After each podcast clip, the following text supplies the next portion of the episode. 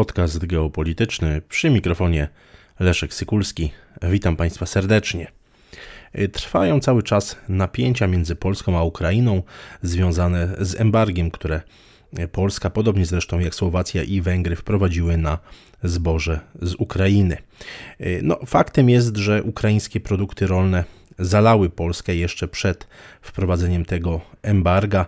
Dodatkowo trzeba tutaj jasno podkreślić, że niskie ceny tych ukraińskich produktów rolnych okazały się być wielkim zagrożeniem e, dla polskiego rynku, dla polskiego rolnictwa. Warto przyjrzeć się, jakie straty odniósł polski sektor rolniczy.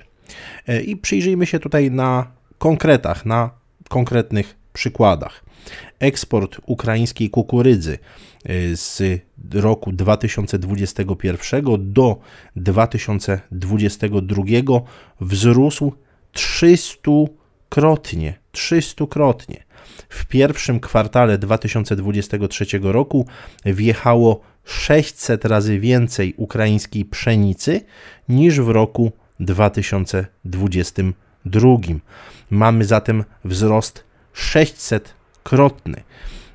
Idąc dalej, patrząc na zapasy zbóż w polskich magazynach, to w roku 2021 te zapasy zbóż zajmowały 15,5% miejsca w tych magazynach, a w 2023 roku już 40,8%.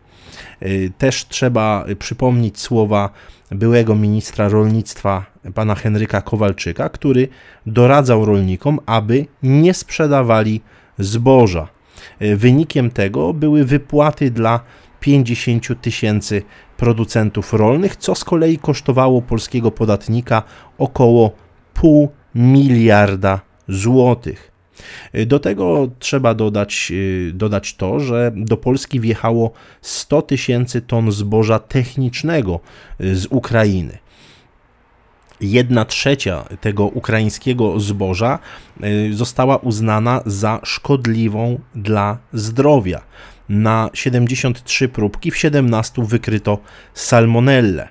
Y, w 17 pestycydy, y, w 11 GMO, w 6 mikotoksyny. Y, od stycznia do maja 2023 roku obecność szkodliwych czynników stwierdzono w aż 35% pobranych próbek.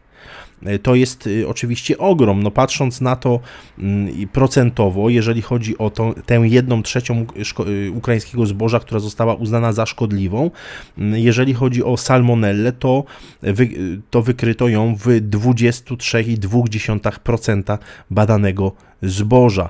E, z pestycydy w 23, ponad 23%, GMO w ponad 15%, a mikotoksyny w ponad 8%.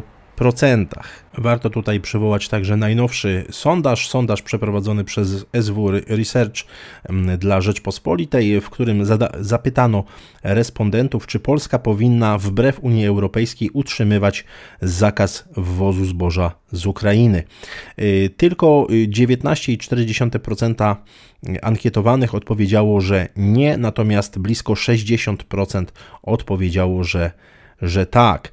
Mm, ponad, nieco ponad 20% Polaków nie ma zdania w tej, e, w tej sprawie.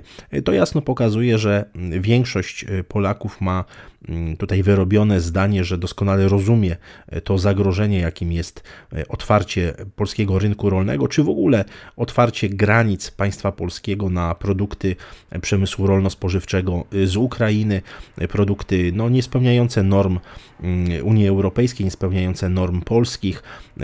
No, Wiemy także doskonale o skali korupcji, także o skali mm, i strukturze w ogóle ukraińskiego rolnictwa, jak to wygląda. Tutaj polski rolnik nie ma większych szans w starciu z ukraińskimi wielkimi firmami produkcyjnymi, mm, długofalowo oczywiście, więc ta decyzja o podtrzymaniu embarga na ukraińskie zboże jest jak najbardziej korzystna dla polskiego interesu narodowego, natomiast należy oczywiście tutaj y, mieć na uwadze fakt, że trwa kampania wyborcza, że po 15 października bieżącego roku no, ta polityka może się zmienić, mogą się pojawić także inne naciski, chociażby ze strony Waszyngtonu, więc to trzeba mieć na uwadze. Niemniej jednak to utrzymanie embarga na ukraińskie zboże jest dla Polski, dla Polaków bardzo korzystne.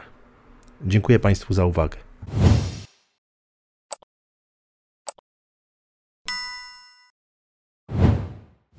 Szanowni Państwo, zapraszam Państwa serdecznie do odwiedzenia księgarni geopolitycznej, gdzie w sprzedaży jest już drugie wydanie mojej książki zatytułowanej Geopolityka a bezpieczeństwo Polski. To książka, która w sposób przystępny pokazuje genezę najważniejszych koncepcji geopolitycznych, które kształtowały e, polską myśl geopolityczną, polską politykę zagraniczną e, i rzuca nieco więcej światła na otoczenie międzynarodowe Rzeczypospolitej współcześnie. Zakupy w księgarni geopolitycznej to także forma wsparcia dla podcastu geopolitycznego. Zapraszam serdecznie na geopolityka.info.